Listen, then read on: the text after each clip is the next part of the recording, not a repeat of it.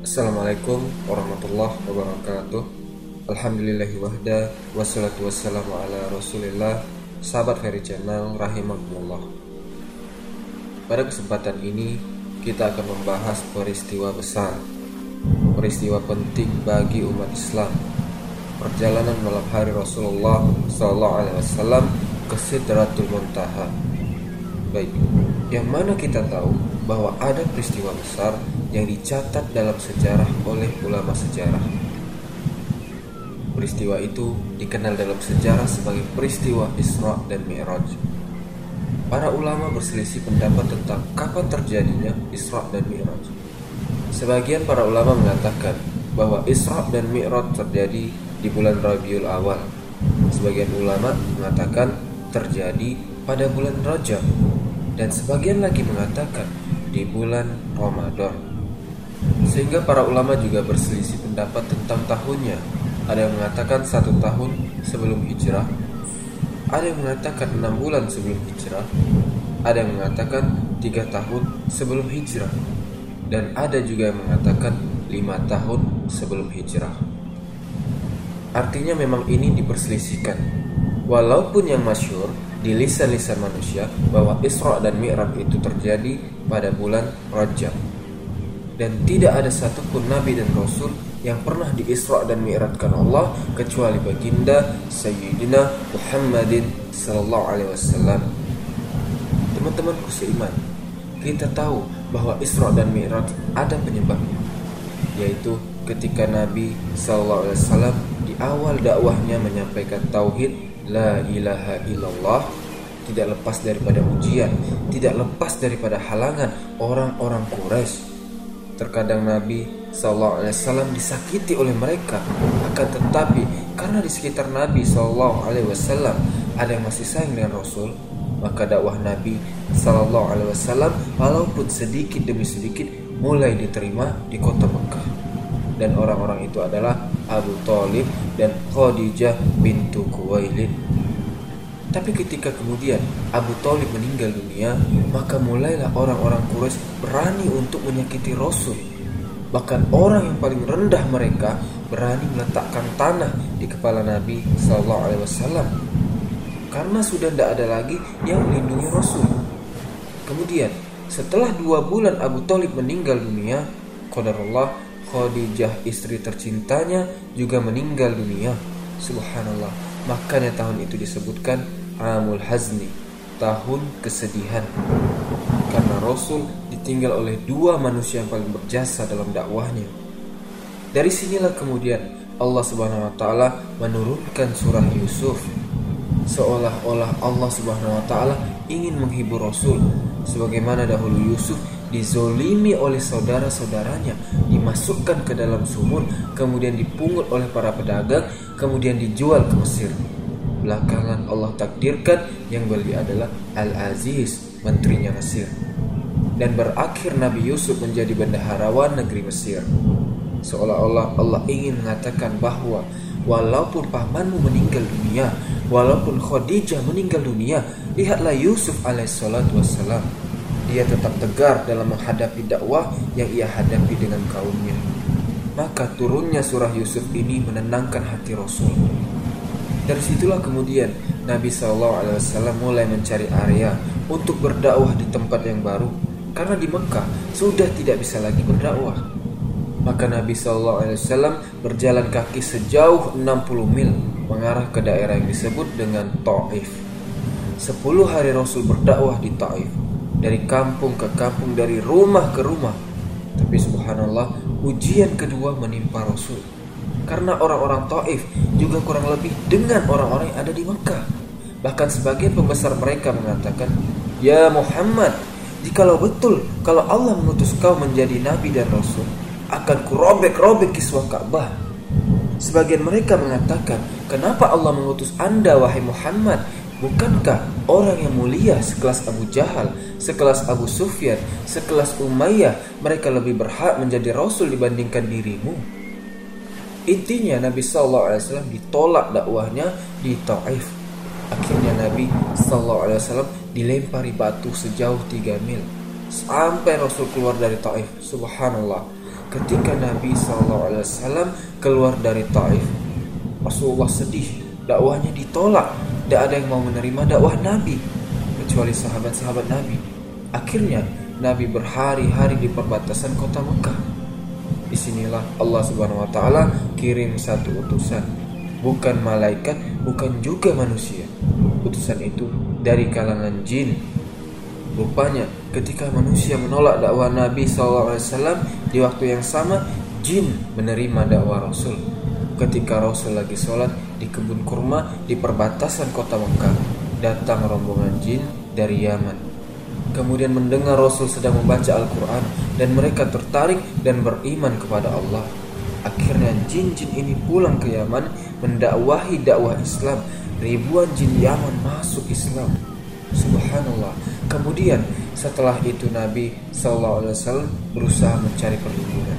Maka Nabi SAW berhasil kembali ke kota Mekah dengan hati yang sempit sampai Allah mengatakan, "Qad na'lamu annaka yadiku sadruka bima yakulun." Allah berfirman, "Sesungguhnya kami tahu wahai Muhammad hatimu sesak, dadamu sempit terhadap apa yang mereka katakan kepada dakwahmu." Maka ketika Nabi Wasallam hampir berputus asa dalam berdakwah, di malam hari inilah ketika Nabi Wasallam sedang tertidur lelap, tiba-tiba Jibril datang dari langit menembus atap rumah Rasul. Ada yang mengatakan ketika itu Rasul sedang berada di dalam rumah Ummu Hani. Jibril mengatakan, "Kum ya Muhammad, bangun ya Muhammad." Maka Nabi Shallallahu Alaihi Wasallam bangun.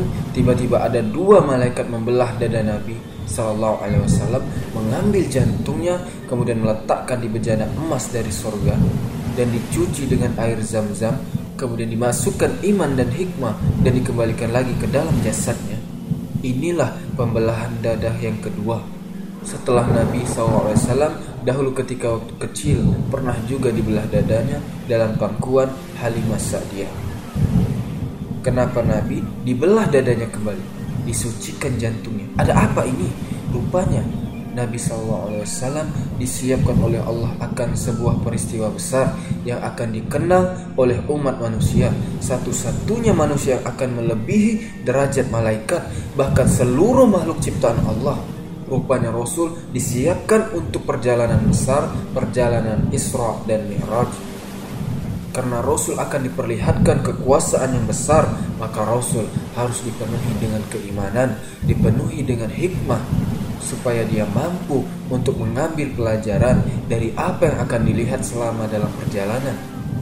Mulailah Nabi SAW diajak oleh malaikat Jibril keluar rumah.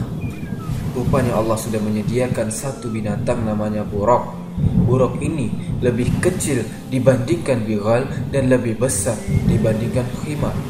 Maksudnya lebih kecil daripada kuda tapi lebih besar daripada keledai dan memiliki perawakan yang panjang berwarna putih. Kalau datang malam hari, buruk ini bercahaya. Dan dalam hadis Bukhari, sekali langkah sejauh mata memandang. Itulah buruk. Buruk itu kuda, kuda biasa, tapi itu tunggangannya para nabi ketika Nabi Shallallahu Alaihi Wasallam hendak menunggangi Burak karena Burak ini kan tidak pernah ditunggangi Rasul. Ibaratnya teman-teman naik kuda kuda ini tidak pernah ditunggangi siapa pun. Kira-kira kuda ini mau nggak? Pasti nggak mau.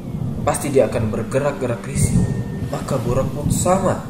Sehingga malaikat Jibril marah kepada Burak dan mengatakan ya Burak wallahi ma tidaklah seorang menunggangi kamu. Akram minhu lebih mulia daripada dia. Maksudnya Nabi Shallallahu Alaihi Wasallam. Barulah kemudian Buraq tenang. Maka Nabi Shallallahu Alaihi Wasallam kemudian naik dan melesat bersama Jibril menuju Palestina. Ada yang mengatakan sebelum sampai Palestina Rasul singgah di dua tempat. Pertama Baitul Lahmin tempat lahirnya Isa ibn Maryam. Dan yang kedua Bukit Saina tempat Musa mendapatkan Taurat makanya Allah bersumpah di dalam Al-Quran والتين والزيتun wa turi sinina wa hadzal baladil amin demi buah tin buah tin di mana di Irak zaitun demi buah zaitun zaitun di mana di Syam wa turi sinin tursina di mana bukit Saina di Mesir wa hadzal baladil amin dan ini negeri yang aman yaitu Makkah. Allah bersumpah dengan empat tempat, dengan Mesir, dengan Irak, dengan Syam, dan dengan Mekah. Kenapa yang dijadikan sumpah empat tempat ini? Karena hanya di empat kota ini seluruh para nabi turun dan tidak pernah turun di luar kota ini. Sebut saja Irak, di situ ada Nabi Nuh. Makanya Nabi Nuh bersandar di Bukit Judi. Bukit Judi berada di Irak. Kemudian Syam, seluruh nabi-nabi Bani Israel turun di Syam dan diakhiri dengan kenabian Nabi Isa bin Maryam. Kemudian Mesir, di sana ada Nabi Musa karena Firaun itu di Mesir. Dan di Mekah ada Nabi kita yang mulia alaihi salatu wassalam. Lah, Nabi ini melewati tempat-tempat yang dijadikan sumpah dalam Al-Quran. Barulah kemudian Nabi SAW sampai di Palestina. Sesampainya di Palestina, maka Nabi SAW mengikat buruk di tembok yang sekarang tembok itu dikenal dengan tembok ratapan orang-orang Yahudi. Kemudian setelah itu Nabi SAW masuk ke Masjidil Aqsa, masjidnya para nabi dan rasul. Al-Aqsa merupakan kiblat pertama kaum muslimin sebelum mengarah kiblat ke Baitullah Al-Haram. Yang mana kita tahu Masjid Al-Aqsa dibangun oleh Nabi Sulaiman alaihissalam dan yang mendirikan Masjid Nabawi dan Masjidil Haram Nabiullah Ibrahim alaihissalam. Kemudian setelah Nabi Shallallahu Alaihi Wasallam mampir di Baitul Maqdis, maka tiba-tiba Nabi Shallallahu Alaihi Wasallam ditawari dua minuman oleh Jibril, satu susu dan satu khamar. Subhanallah, Rasul mengikuti fitrahnya, diambil susu dan dibuang khamar. Padahal ketika itu khamar belum dilarang untuk diminum. Makanya Jibril mengatakan, sungguh engkau telah mencocoki fitrah, engkau akan diberikan hidayah dan umatmu juga diberikan hidayah. Maknanya bahwa Rasul dan umatnya akan senantiasa diarahkan kepada fitrah. Makanya kemudian setelah Nabi SAW meminum susu, langsung kemudian diangkat ke langit dan ini peristiwanya sudah berbeda. Ini namanya Mi'raj. Kalau tadi namanya Isra' Isra digambarkan dalam surah Al-Isra dan Mi'raj digambarkan dalam surah Najm dalam Al-Quran. Beda surah. Mulailah Nabi SAW naik ke atas langit bersama Jibril. Sesampainya di atas langit pertama, ketika itu Jibril mengetuk pintu langit. Maknanya bahwa langit itu memiliki pintu. Makanya di sini ada pertanyaan besar. Kenapa Nabi tidak langsung naik dari Mekah, langsung ke Sidratul Muntaha, Kenapa mesti lewat Palestina? Kan bisa saja langsung dari Mekah naik ke atas langit. Kenapa? Karena pintu langit itu harus lewat Baitul Maqdis. Makanya Rasul naik dari situ dan turunnya juga di situ. Kemudian Nabi diangkat dari Baitul Maqdis sampai ke langit pertama, maka malaikat penjaga langit mengatakan, "Man, siapa kamu?" Kata Jibril, "Ana Jibril, waman ma'akas." Siapa yang bersamamu? Kata Jibril, "Muhammad sallallahu alaihi wasallam." Ilai? Apakah dia sudah diutus Allah? Kata Jibril, "Na'am, ya." Kalau begitu, kubukakan pintu langit. Ketika dibuka pintu langit pertama, rupanya pertama kali Rasulullah sallallahu alaihi wasallam melihat sosok bapaknya Adam alaihi salatu wasallam. Adam itu tingginya 60 hasta atau 30 meter, lebarnya 7 hasta atau 3 meter setengah. Adam itu besar dan nanti kita juga akan seperti Adam. Ketika orang masuk surga, juga nanti yang laki-laki bentuk kita akan seperti Adam. Tingginya 30 meter, lebarnya 3 meter setengah. Seluruh penduduk surga seperti itu. Ketika itu, Nabi SAW diminta Jibril, Ya Muhammad, salim ala abih. Wahai Muhammad, ucapkan salam kepada bapakmu. Maka Rasul mengatakan, Assalamu alayka ya Adam. Keselamatan bagi engkau wahai Adam. Maka Adam mengatakan, Marhaban bin nabiyyin soleh wa benin soleh. Selamat datang wahai nabi yang soleh dan anakku yang soleh. Ketika itu Rasul melihat Adam menangis. Ketika Adam melihat ke arah kiri, beliau menangis. Ketika Adam melihat ke arah kanan, Adam tersenyum. Ada apa ini? Rupanya ketika ada melihat ke kiri karena dia melihat ruh-ruh dari umatnya yang difonis masuk neraka. Adapun ketika dia melihat ke kanan ada ruh-ruh yang difonis masuk surga. Artinya keturunan Nabi Adam itu tidak semuanya masuk neraka dan tidak semua masuk surga. Ada yang masuk surga dan ada yang masuk neraka. Kemudian setelah itu Nabi Shallallahu Alaihi Wasallam naik ke atas langit kedua. Di sinilah Nabi bertemu dengan Nabiullah Isa ibn Maryam dan Yahya bin Zakaria. Maka kemudian menyampaikan salam kepada keduanya. Kemudian Rasul naik lagi ke langit ketiga bertemu dengan Nabi Yusuf alaihissalam. Kata Nabi Shallallahu Alaihi Wasallam, Yusuf itu diberkahi oleh Allah karena diberikan separuh ketampanan Adam Makanya di zaman Nabi Yusuf diutus Wanita-wanita yang melihat Nabi Yusuf sampai tidak terasa memotong-motong tangan mereka saking melihat ketampanannya Yusuf. Tapi kalau perempuan ialah Siti Sarah. Siti Sarah itu wanita tercantik dunia karena mewarisi separuh kecantikan Hawa. Kemudian setelah mendapatkan Nabi Yusuf di langit ketiga, Rasul naik lagi ke langit keempat. Di langit keempat Rasulullah berjumpa dengan Nabiullah Idris dan Rasul membacakan ayat warafa'nahu makanan aliyah. Dan kami angkat Idris ke langit keempat. Satu-satunya nabi yang meninggal di langit hanya Idris alaihissalam kemudian naik lagi ke langit kelima. Di sinilah berjumpa dengan Nabiullah Harun. Harun ini dulu bukan nabi sebenarnya Harun itu orang soleh yang mengangkat dia nabi itu adalah Nabi Musa alaihissalam karena Musa itu pelat ngomongnya, maka Nabi Musa berdoa, Rabbis rahli sadri wa isirli amri wahlul uqdatam min lisani yafqahu. Ini doanya Nabi Musa ini. Pelat Nabi Musa itu tidak pandai ngomong. Sementara Harun, abangnya ini pandai, orator. Sementara dia menghadapi Fir'aun harus pandai bicara. Ketika melihat abangnya pandai ngomong, orator, maka Musa meminta kepada Allah untuk diangkat Harun menjadi nabi. Maka Allah angkat Harun menjadi nabi karena permintaan Nabiullah Musa. Karena yang dihadapinya ini Fir'aun. Makanya kemudian Harun diangkat menjadi nabi. Kemudian naik lagi ke langit ke-6, di sinilah berjumpa dengan Nabi Musa alaihissalam. Musa ketika itu menangis ketika melihat Rasul. Ketika ditanya oleh malaikat, "Kenapa engkau menangis wahai Musa?" Kata Musa, Demi Allah, Allah telah mengutus anak muda di akhir zaman, tetapi umatnya lebih banyak masuk surga dibandingkan umatku, kata Nabi Musa. Padahal aku sudah berusaha mengajak Bani Israel sebanyak-banyaknya. Rupanya umat orang ini lebih banyak dibandingkan umatku. Cemburu Nabi Musa. Kemudian naik ke langit ketujuh, ke langit terakhir, berjumpa dengan Nabi Ibrahim alaihissalam. Ibrahim itu yang paling mirip dengan Nabi wajahnya. Dia namanya kakeknya. Ibrahim itu kan kakeknya. Ibrahim punya dua orang anak. Satu namanya Ismail, satu namanya Ishak. Ishak punya anak namanya Yakub. Yakub itu namanya Israel.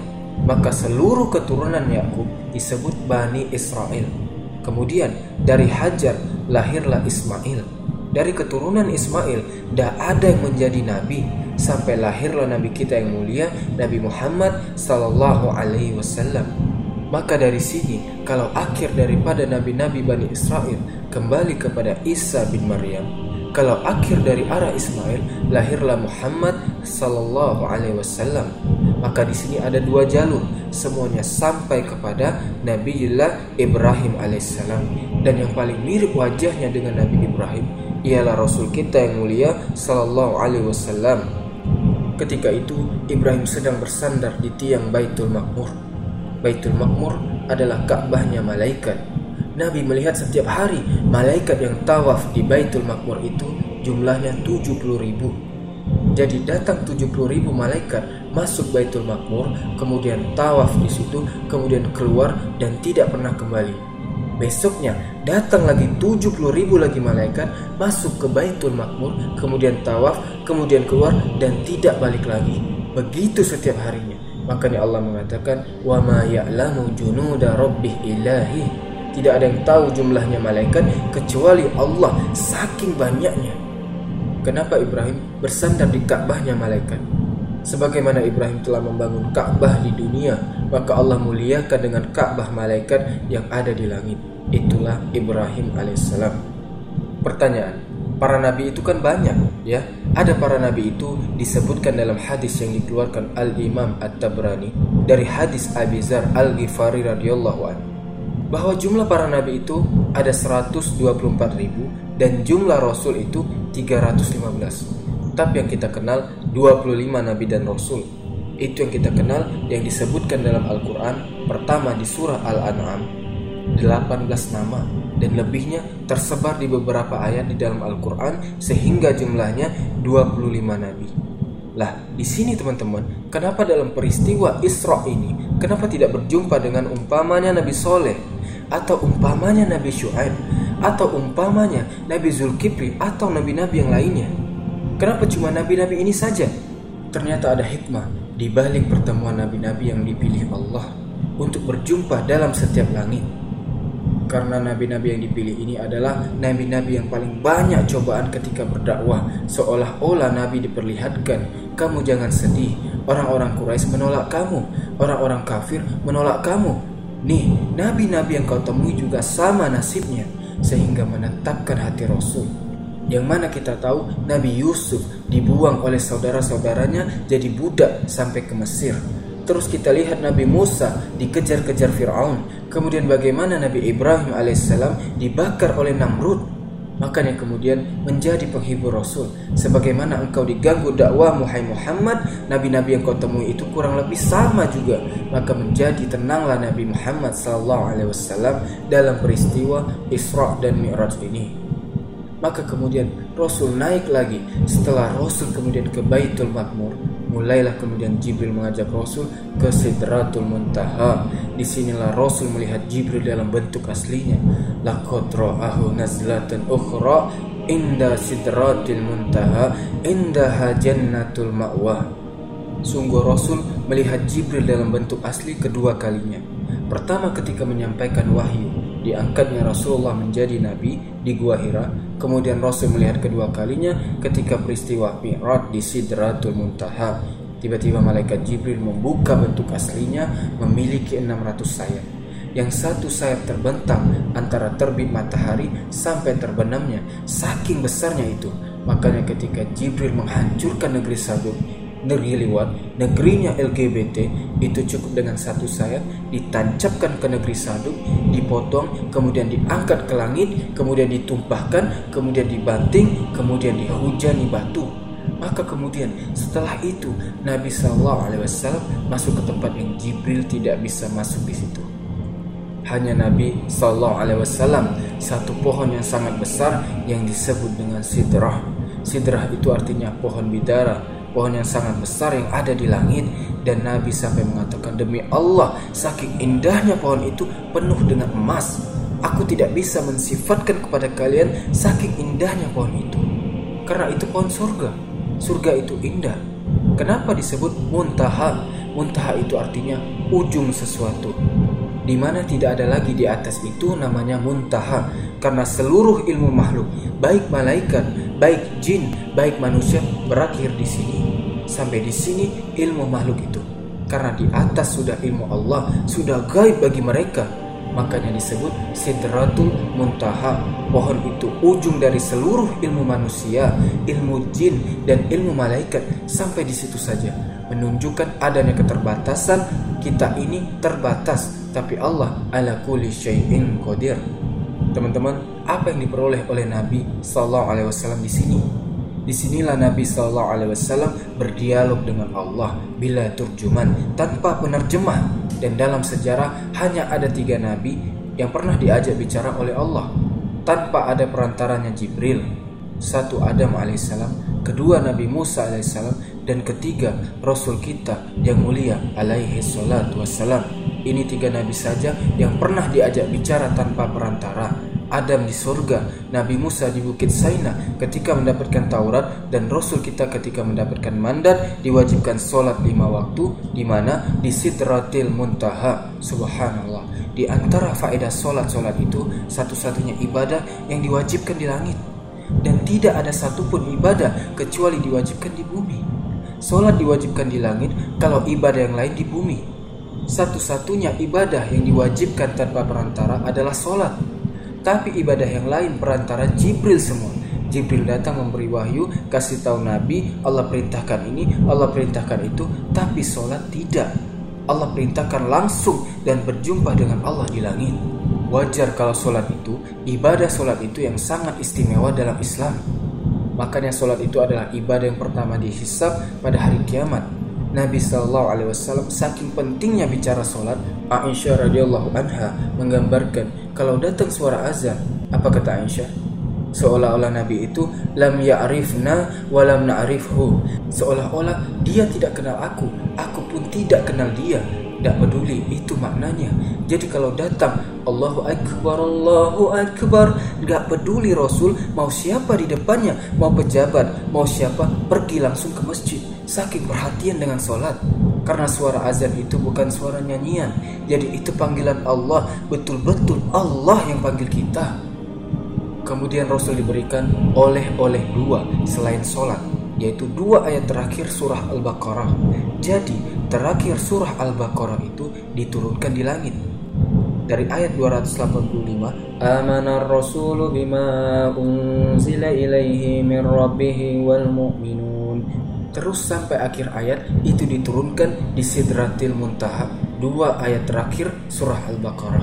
Kemudian yang ketiga, dapat oleh-oleh bahwa Rasul dijanjikan setiap yang meninggal dan tidak menyekutukan Allah maka dijamin masuk surga. Berarti oleh-oleh Rasul ada tiga ya. Pertama sholat, kedua akhir surah Al-Baqarah dan ketiga dijanjikan setiap umatnya yang tidak melakukan kesyirikan akan dimasukkan ke dalam surga. Ketika itu kemudian Rasul turun Ketika turun itulah Allah perintahkan seluruh malaikat yang ada di langit, seluruh para nabi yang ada di langit untuk ikut turun bersama Rasul sampai di Baitul Maqdis. Sehingga Nabi SAW melaksanakan sholat menjadi imam dan makmumnya para nabi dan rasul dan serta para malaikat. Subhanallah, seolah-olah kata para ulama di sini ada isyarat dengan mengimaminya Rasul kepada para nabi dan rasul maka ini isyarat bahwa agama yang dibawa Rasul akan menjangkau kepada seluruh agama para nabi yang sholat di belakangnya. Maknanya bahwa Islam itu akan menyebar ke seantero dunia dan menjadi sebuah kenyataan. Coba, daerah mana yang tidak ada muslimnya? Karena di sini ada isyarat Rasul mengimami para nabi dan Rasul. Makanya Rasul disebut Sayyidul Anbiya wal Mursalin. Pemimpinnya para nabi dan Rasul karena dia jadi imam dan makmumnya seluruh para nabi dan rasul di Baitul Maqdis karena rasul akan menjangkau mereka semuanya. Baru setelah itu Nabi SAW sholat kemudian pulang kembali menggunakan borok. Dalam peristiwa ini Nabi SAW diperlihatkan surga dan neraka. Dalam fase perjalanan ke atas itu Rasul diperlihatkan surga dan neraka. Makanya kenapa Nabi itu bisa mensifatkan surga dan bisa mensifatkan neraka walaupun tidak sedetail yang sesungguhnya karena sehebat apa pun Rasul mensifati surga maka surga lebih hebat daripada apa yang disifatkan Nabi. Kenikmatan yang tidak pernah dilihat mata, tidak pernah didengar oleh telinga, bahkan terlintas saja tidak bisa. Rasul masuk ke dalam surga. Pertama Rasul masuk, apa yang dia lihat? Rasul mencium bau bau yang sangat harum sekali. Nabi bertanya, ini harum siapa? Kata malaikat, ini adalah harumnya Mas Yutoh. Sudah tahu ceritanya Mas Yutoh ya? Sudah kita bahas. Sebagaimana bau gosongnya Mas Yutoh di dunia, maka Allah ganti di akhirat dengan harumnya Mas Yutoh di surga. Kemudian, yang kedua, Rasul mendengar suara terompah. Rasul mengatakan, ini suara terompah siapa ini? Kata malaikat, itu suara terompahnya Bilal bin Rabbah. Subhanallah, orangnya belum masuk surga teman-teman, sendalnya sudah di surga. Kalau sendalnya sudah masuk surga, pastinya orangnya juga masuk surga. Di sini maksudnya bahwa kalau sendalnya saja sudah di surga, tentu orangnya akan di surga.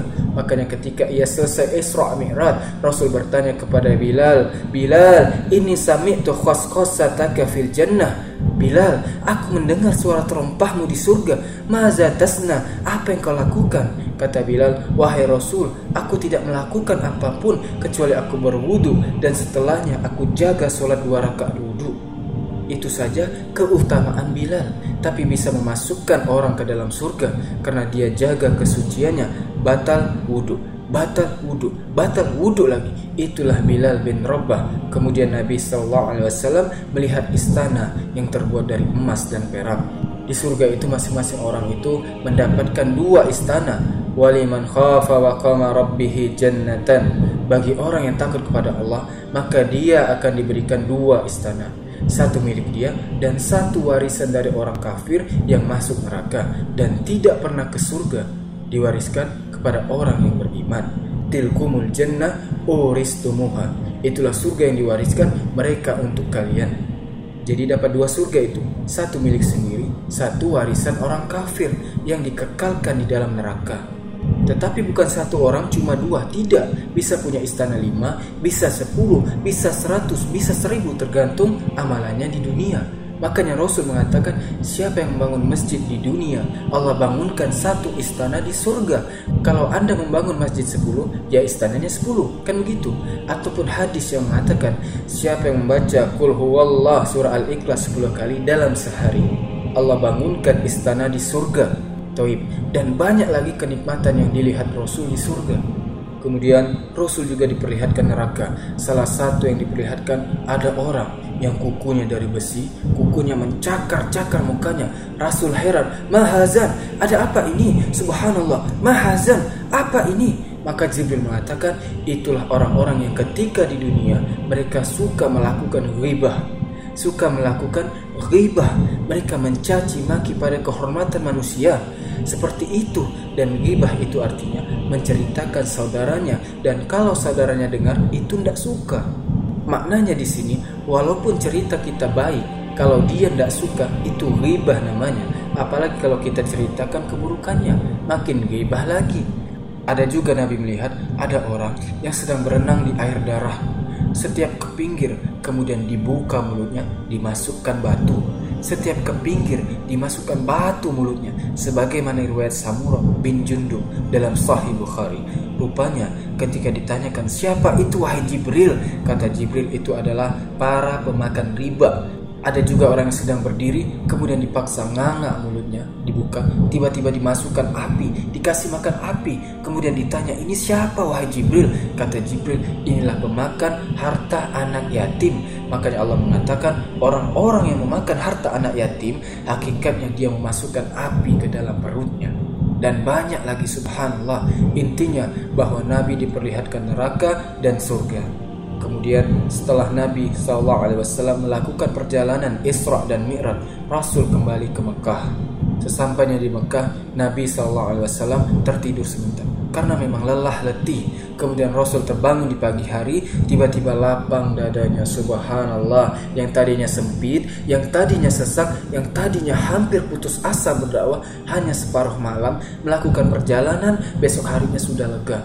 Alam nasroh laka sodrak Bukankah kami telah lapangkan dadamu wahai Muhammad Dadanya lapang siap berdakwah Rasul Kemudian dia ngomong sama Ummu Hani Wahai Ummu Hani izinkan aku Aku akan kisahkan ini kepada orang-orang Quraisy Kata Ummu Hani Ngapain wahai Rasul Orang-orang tidak akan percaya sama kamu Bagaimana mungkin perjalanan satu bulan dari Mekah ke Baitul Maqdis kau tempuh hanya beberapa waktu di malam hari?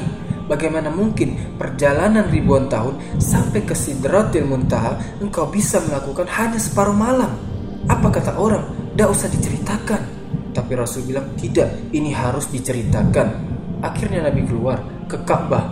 Baru sampai di Ka'bah, dia duduk. Pertama yang lewat siapa? Abu Jahal. Ini yang pertama kali lewat. Abu Jahal nampaknya ketemu Rasul ini ada yang mau disampaikan. Didekati sama Abu Jahal dan mengatakan, Masa'nuka ya Muhammad Hai Muhammad Nampaknya ada yang mau disampaikan nih Ada apa ya? Makanya Nabi SAW mengatakan Semalam saya begini, begini, begini Macam-macam. Abu Lahab langsung serius dan mengatakan Ya Muhammad bagaimana kalau seandainya Aku fasilitasi kamu Kukumpulkan manusia Kau ceritakan apa yang sudah kau ceritakan kepadaku. Aku yang kumpulkan semuanya. Istiza Mengolok-olok Rasul. Karena Abu Jahal paham tidak mungkin ada orang yang percaya yang ada justru akan menjelek-jelekkan Rasulullah. Kata Abu Jahal dengan seriusnya, biar saya kumpulkan manusia katanya. Oh mantep Abu Jahal nih. Tapi bukan untuk kebaikan, memang sengaja untuk menghina Rasul. Maka Abu Jahal berteriak-teriak, Wahai Bani Ka'ab, wahai Bani Fulan, kemari-kemari berkumpul. Karena yang manggil tokoh masyarakat, pemimpin seluruh orang Quraisy kumpul. Kata Abu Jahal, Ya Muhammad, habarkan cerita yang kau ceritakan kepadaku semalam. Habarkan kepada mereka, janjimu kau akan bercerita kepada mereka. Ini orang sudah berkumpul semuanya. Akhirnya Rasul bercerita kepada mereka bahwa semalam saya begini, begini, begini. Subhanallah, seluruh orang tiba-tiba tertawa saking kehabisan tertawanya sampai mereka pukul-pukul kepala mereka. Di sinilah Rasul mendapatkan ujian sahabat-sahabat yang baru masuk Islam kemudian murtad balik karena apa? Ini aneh Nabi ini Makin ke sini, makin aneh ngomongnya. Akhirnya satu persatu yang sudah masuk Islam keluar murtad lagi. Kalau orang musik sudah tidak karuan, makin membuat tuduhan. Lihat tuh Nabi Musi Muhammad gila, buat cerita aneh-aneh. Lah, ketika itu Abu Bakar tidak ada di situ, sehingga orang-orang heran dan mengatakan, "Ya Muhammad, di mana saudaramu Abu Bakar? Biasanya kalau engkau berdakwah ada di sampingmu Abu Bakar. Di mana dia?" Akhirnya Kemudian dicarinya Abu Bakar, sudah ketemu Abu Bakar, wahai Abu Bakar, kau tahu apa yang terjadi di sana? Lihat saudaramu si Muhammad itu ngacau. Dia cerita begini, begini dalam satu malam.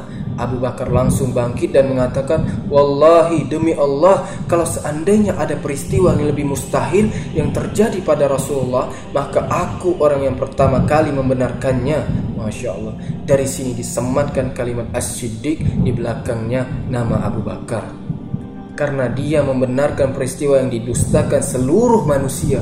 Makanya wajar kalau Abu Bakar disebut Abu Bakar As-Siddiq. Siddiq itu artinya pembenar ketika manusia mendustakan Rasul.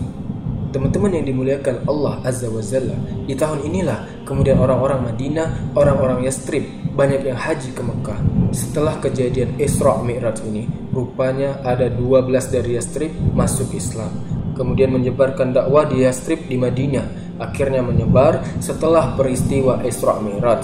Maka Allah mengizinkan Rasul untuk hijrah, maka Rasul memerintahkan seluruh sahabatnya untuk berangkat ke Yastrib karena sudah mendapatkan tempat yang diizinkan Allah yang ada di Ethiopia. Suruh pulang pulang semua. Kita sudah mendapatkan tempat yang aman. Maka seluruh para sahabat akhirnya hijrah setelah peristiwa Isra dan Mi'raj ini. Taib. Dalam peristiwa Isra Mi'raj ini banyak pelajaran yang kalau mungkin kita bisa ungkap gak akan selesai. Tapi ini yang bisa saya sampaikan, mudah-mudahan ada manfaatnya. Subhanakallahumma wa bihamdika asyhadu an la ilaha illa anta astaghfiruka wa atubu ilaik. Sallallahu ala nabiyyina Muhammad wa ala alihi wasallam. Assalamualaikum warahmatullahi wabarakatuh.